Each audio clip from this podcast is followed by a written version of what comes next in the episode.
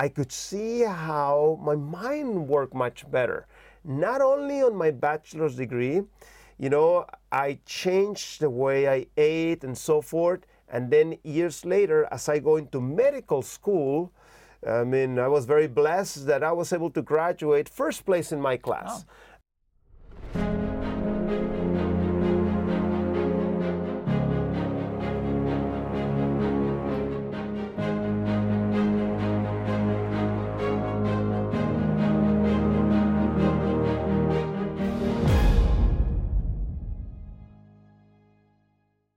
Hej och välkommen till Lev dig frisk-podden. Idag ska jag tillsammans med Eddie se in på det spännande ämnet med vår hjärna. Och eh, Eddie är internationell eh, talare. Han är vetenskapsman och läge. Så välkommen Eddie! Tack. Och eh, jag och Eddie blev känt med varandra genom ett program som heter Steps for Life som vi just nu driver med här. Så han har kommit från, från USA, eller från runt i världen och, och är med och då har föredrag, spännande föredrag för de gästerna som kommer hit i fredag. Men innan vi dyker in i det här med hjärnan. Vi kommer ta intervjun på engelska och ha dialogen på engelska och ha eh, eh skrivit under så ni kan följa med. Men what is your journey with health? How do, did you get interested in it, Eddie? Yeah, so uh, I was uh, studying my undergraduate uh, before studying medicine, and I was taking computer science. And uh, my friends, group of friends, decided to start running, and I started running with them. And it ended up being that I was always last place among my friends. and I said, that's not right. I need to do something to improve my times. So I went to the library of the university to read what are the people that are actually winning the race? What are they doing? And I found out they're following a plant based diet. That's uh, one of the secrets, by the way, of the Ethiopians, Kenyans, and so forth that win the, the, the race. So I said, I'm going to try and switch. Let's see what happens. Sure enough, not only uh, my time started to improve to the point that I started getting first places uh, in my town. And uh, I could see, you know, how my improvement was just dramatical. Not only that, it was my best semester on my bachelor's degree of computer science. All the notes were top notes, top notes, top notes. I could see how my mind started changing as a result of making dietary changes. Very, very nice. So, so how have the journey since then been? Yeah. So then, um, uh, as I finished my bachelor's in computer science, I had a brother that was studying in a lifestyle center, just like here in uh, in Fredheim, and um, I went to visit him for a weekend. This was back in the 1990s, where there was very few people that knew about computers. So when the director of the institution heard that I knew about computers, he immediately approached me and said, You know what? I have many computer problems. Could you help me this weekend? And I said, Sure, I'll be happy to help you. And in one weekend, I fixed most of his major computer problems. Hmm. He was so impressed, he offered me a job on the spot. Oh. And to me, it was very confusing. I'm supposed to start a master's program. He wants me to work for him. I cannot do both because of geographical factors. So I had to decide, and I ended up deciding to go and uh, join that staff, and my life changed completely. As I started seeing with my own eyes how problems like diabetes, allergies, people with rheumatoid arthritis left without pain, the people with tremendous uh, stroke recoveries, uh, depression, and all kinds of things were getting better.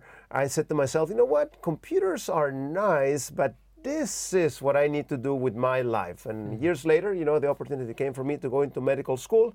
And uh, uh, I've been able to work in this type of setting for 28 years and have seen this story over and over, as well as been able to document this uh, in the scientific literature. Very, very nice. We were looking very much forward to hear some some of the tips now uh, that you experienced on your own brain, and like how, how we can can share that with with the viewers. Uh, and uh, emotional intelligence. Tell us a little bit about EQ and IQ. Uh, like, what's the difference, and uh, how are they different important? That's right. Yeah. So um, the difference uh, is the fact that intelligence, you cannot do much about it once it's set. You can move it a little bit here and there, but not that much. But unfortunately, you can do things that hinder it. While uh, emotional intelligence is something that can be improved. I've done a few research uh, studies on the subject, and uh, emotional intelligence measures more your ability to interact with others and the motivation to go ahead and achieve your goals. So it's different than intelligence by the fact that the focus is different. So, so why is is then EQ important? Like, uh, That's right. Yeah, well, EQ is interesting. IQ usually will determine what will be your first job. Mm-hmm. As you get out of college and you apply for jobs, they're gonna check. You know, it's this person. You know, does they have enough brightness so he can, you know, put him to do some responsible job. Now, that's what IQ will measure. What will will help you with. EQ is going to help you as you start climbing up the ladder in that job. The person that ends up directing the institution usually has a higher uh, EQ. I, one time I met this man, he was in charge of the whole northwest of Mexico, uh, a big network of companies. The person had only achieved f- uh, uh, fifth degree primary school. yeah. How can he was able to, you know, get such a huge important position? Because as you interacted with him, you saw immediately his ability to have that EQ, communicate, empathy, vision, and so mm, mm. forth. It was part of him. So that's how he was able to achieve mm, that. So, if now me or any of the viewer are not so interested to reach the highest ladder, but are more interested in health, like what would be some health benefits of having a good IQ? Yeah. IQ, IQ, Yeah. So E- EQ and IQ both are important. okay, because um, EQ will help you in your ability as you interact with others. Even though if your goal is not to become, you know, the the chief of the whole company, you know, who would you rather hire uh, as, a, as a manager, you know? Uh, somebody that is very conflictive and that it causes all kinds of personal problems in your company? Or would you rather hire somebody that is able to get along with others, that helps with the morale of the institution, that helps to achieve the goals of the company? So that's why even big business magazine says, you know, uh, Forbes magazine, it says, don't worry about the IQ that much, worry about the EQ, because uh, a problematic employee causes all kinds of problems not only in your work setting in your family setting you know are, are- are you getting along with your families and friends even your neighbor? You know that, that neighbor that nobody likes and so forth most probably has a low eq now your iq is uh, is something that we need to understand that we can do something about it as we're growing up and so forth our children and and so forth as we have a good environment for them to thrive and as you learn these principles of today you can understand why we're proposing to do a few changes mm-hmm. yeah. Let's dive into that. Let's dive into to what is the important things to do for our brain. That's right. Yeah, so it's multiple things. You know, some things that we need to do uh, that, we, that we need to remember is what not to do. you Yeah. know? Okay. Yeah. Something that uh, that is very well documented. You know very well somebody under the influence of alcohol. Uh, their decision making is not the best because alcohol impairs the frontal lobes of the brain And the frontal lobes of the brain are part of the equation of that intelligence. So, uh, yeah, partaking of alcohol affects, you know, your intelligence. We also know that things like nicotine affect that. Uh, somebody that is uh, using any form of nicotine today, many people don't necessarily use the cigarette, but now you have these e electronic versions of the of the cigarette, and uh, both of them uh, can have uh, pernicious effect at the level of the brain, the ability the, of the brain to function. Actually, that done a few research on nicotine and how it has a negative effect on uh, mental health. Another thing that um, many people use, and I'm going to step on a few toes as I say it, but you know, I, I, could hide it from you or I could tell you, is uh, caffeine. You know, uh, caffeine, uh, there are uh, very well documented uh, uh, studies that show that caffeine decreases about a 38% uh, the blood flow to your brain. And this is something you can logically think. If something is decreasing the blood flow, it must have some effect on the brain and it does have an, an, effect on the on the brain. I mean, that's exactly the opposite of something like exercise. Mm-hmm. When you do exercise and uh, you measure, you know, blood flow to the brain, you will see that the blood flow to the brain actually increases after exercise. That's one of the reasons why you feel better and more mm-hmm. energetic and clear mind and and so forth. So, so would you say that? Increasing blood flow to the to the brain or decreasing it that's a good factor of, of, of one of the most important things for our brain. Yep. So in fact uh, uh, in, a, in a program of depression that i've been involved for a long time mm-hmm. that's exactly our focus. We know that things that decrease blood flow to the brain increase your risk of depression and anxiety, mm-hmm. while things that improve that blood flow to the brain actually improve in their brain ability to function and the brain's ability to uh, uh, perform, uh, brain's ability to have endurance, mm-hmm, mm-hmm. and so forth. So yes, uh, definitely that's the principle. So, so you're saying that okay, alcohol, nicotine, caffeine, that things that that make it uh, harder for the brain to uh, work optimal. Absolutely. Uh, is it any other, uh, or is that the three main ones? No, there's there's much more than than, than that.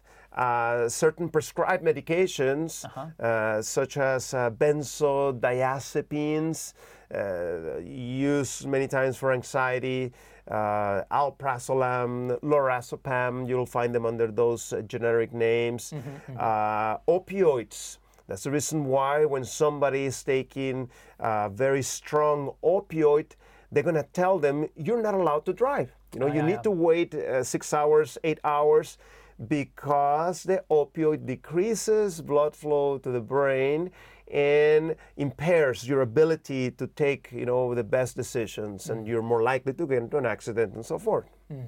Mm. so so now if uh, if somebody have got convinced yeah i need to stop with some of some of these uh, bad habits as you describe it like uh, what would be some some uh, practical advice how they would go about it yeah uh, so actually we do that in our uh, in our program because we know that, uh, for example, if I'm trying to help somebody uh, with their habits, uh, with their way of thinking, if they have, for example, too many of these benzodiazepines, I know that they're not going to understand very well the principles mm. if they have too much of this dosage. So, some of the things that you can do uh, you can start doing exercise. Okay. That is like essential. You have to start, you know, uh, doing some exercise. As I mentioned, it improves the blood flow to the brain and improves your ability to control correctly and so forth. You also want to start making some dietary changes. Mm-hmm, mm-hmm. Another one of the factors that decreases uh, that blood flow to the brain and impairs uh, your ability to think well is something by the name of arachidonic acid. Uh-huh. So, so you meaning uh, just to, to, to see if I understand correctly, uh, and and so we can follow along that like you have some bad habits, but actually uh, one of the key is to start with good habits to get away of the bad habit. So like start exercise, start eating good, and then it will be easier to to You drop always- the caffeine or drop the cigarettes. You always need to make a substitute. Uh-huh. You just don't take and don't put something in its place. Mm. So as you're getting one of those bad habits, then you want to substitute that with a good habit. That's the name of the game. But back to the diet, you you you, you mentioned uh, some aspect of the diet. Explain a little bit more, like how is Yeah. the diet affecting uh, our brain? Yeah, and uh, yeah, I mean, I, I, I experienced that uh, in, in, in my case, as I mentioned to you in my in my undergraduate. I could see how my mind worked much better. Not only on my bachelor's degree, you know, I changed the way I ate and so forth. And then years later, as I go into medical school, I mean, I was very blessed that I was able to graduate first place in my class. So I could see how my brain had changed. When I graduated from my bachelor's degree, I was no near, you know, the hmm. top 10 people in my class. But as I changed my diet, I could see how hmm. that started changing.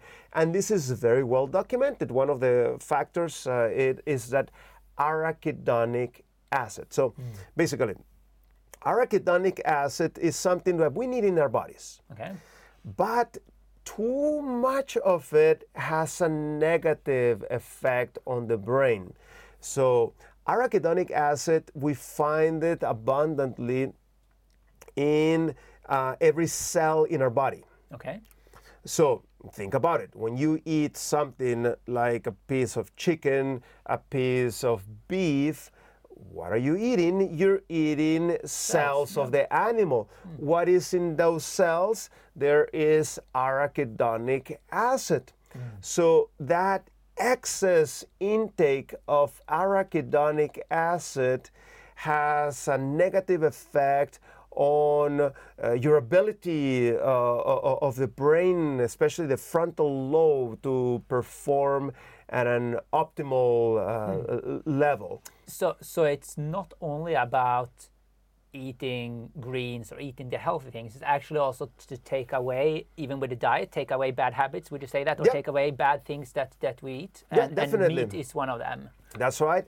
Um, uh, so yeah, de- definitely meat. Also, junk food. That's one of the issues with junk food.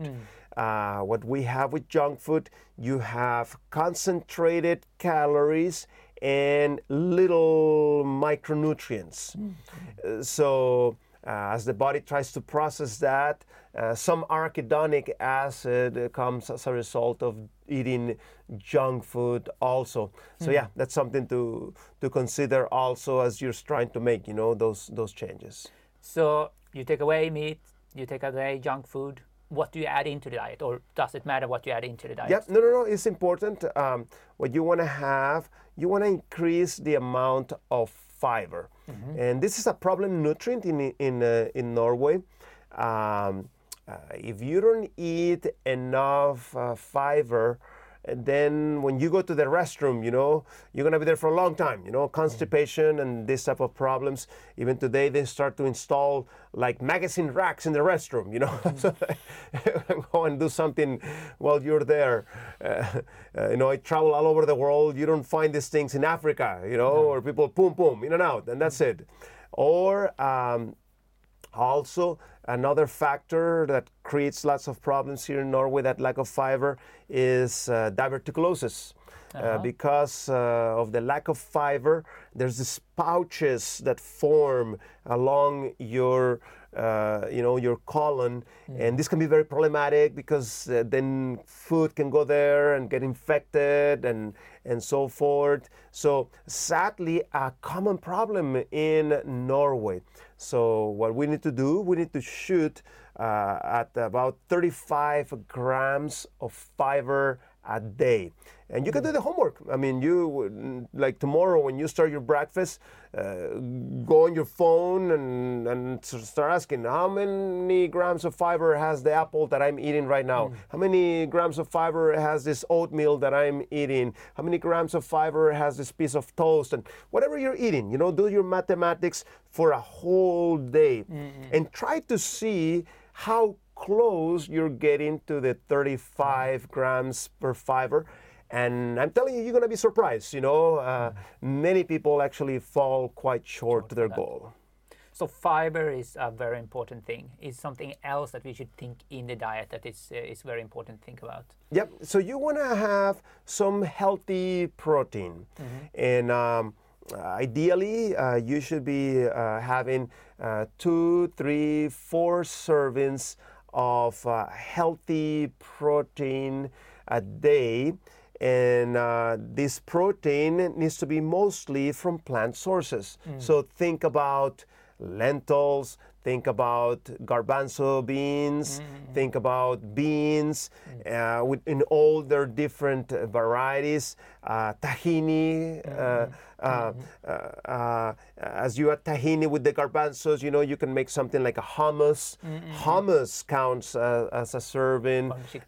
peanut butter, mm-hmm. it's made out of a legume, which is the peanut. It also counts as, as a serving. So, yeah, there's many creative ways of, of reaching that goal. So we're touching a little bit on exercise. We are touching on the diet, what to avoid. Uh, is there any other areas that is good to think about in today's society when yeah. it comes to brain health? That's right. Yeah. So another uh, factor that, that we need to deal with is stress. Uh-huh. And you know that very well. When, when you're very stressed, your ability to think is hindered mm. because stress uh, affects the frontal lobes of the brain. Again, those frontal lobes of the brain are very much involved in, in, in, in intelligence. So, what we need to do, we need to make sure that we are having uh, some sort of uh, a healthy outlet to that mm-hmm. that stress. I actually was involved in a, a director of research uh, a project in which uh, we uh, uh, did a survey on, on close to 6,000 people. Uh-huh. And um, we asked them, what method of relaxation are you using mm. to decrease your levels of stress? And, uh, and then we correlated that to the levels of uh, depression and anxiety. And it was hmm, very clear. Uh, the people that did the worst were the ones that didn't have any, any outlet. And interesting, even though this is a survey from all over the world, the people that handled the best their stress were the ones that were doing Bible study and prayer, hmm. which to me was very interesting. While the people that were doing uh, Eastern meditation, actually in our study, the Eastern meditation and the no relaxation was almost the same. Okay. So it was more of a, a placebo type mm. of thing, you know, that the person may mm. think that this is helping me, yeah. uh, but that's not what our study, you know, nice and big samples show, you know, from people from all kinds of backgrounds from all over the world. Mm. mm. Very, very interesting. So how about the media? That's right. Um, say something about that. Yeah. Uh, so, uh, you know, we're becoming too much of an electronic society, you know, the cell phone, the computer, and so forth. And we are not learning how to use our hands in a three dimensional type of uh, way. You know, uh, in the old days, I remember, you know, your parents or your grandparents would be the ones changing the oil in your car. Yeah. Now, today, young people don't know how to do that simple task. Um, in the old days, people would work, you know, with agriculture and mm. so forth. So there's some fascinating studies that show that using your hands in a three dimensional setting, washing the dishes, uh, working in the, in the field, uh, changing your oil, as you use your hands in a two-dimensional way, your frontal lobes improve, and that's how we, we theorize. You know that the, uh, you're gonna optimize your brain by doing that.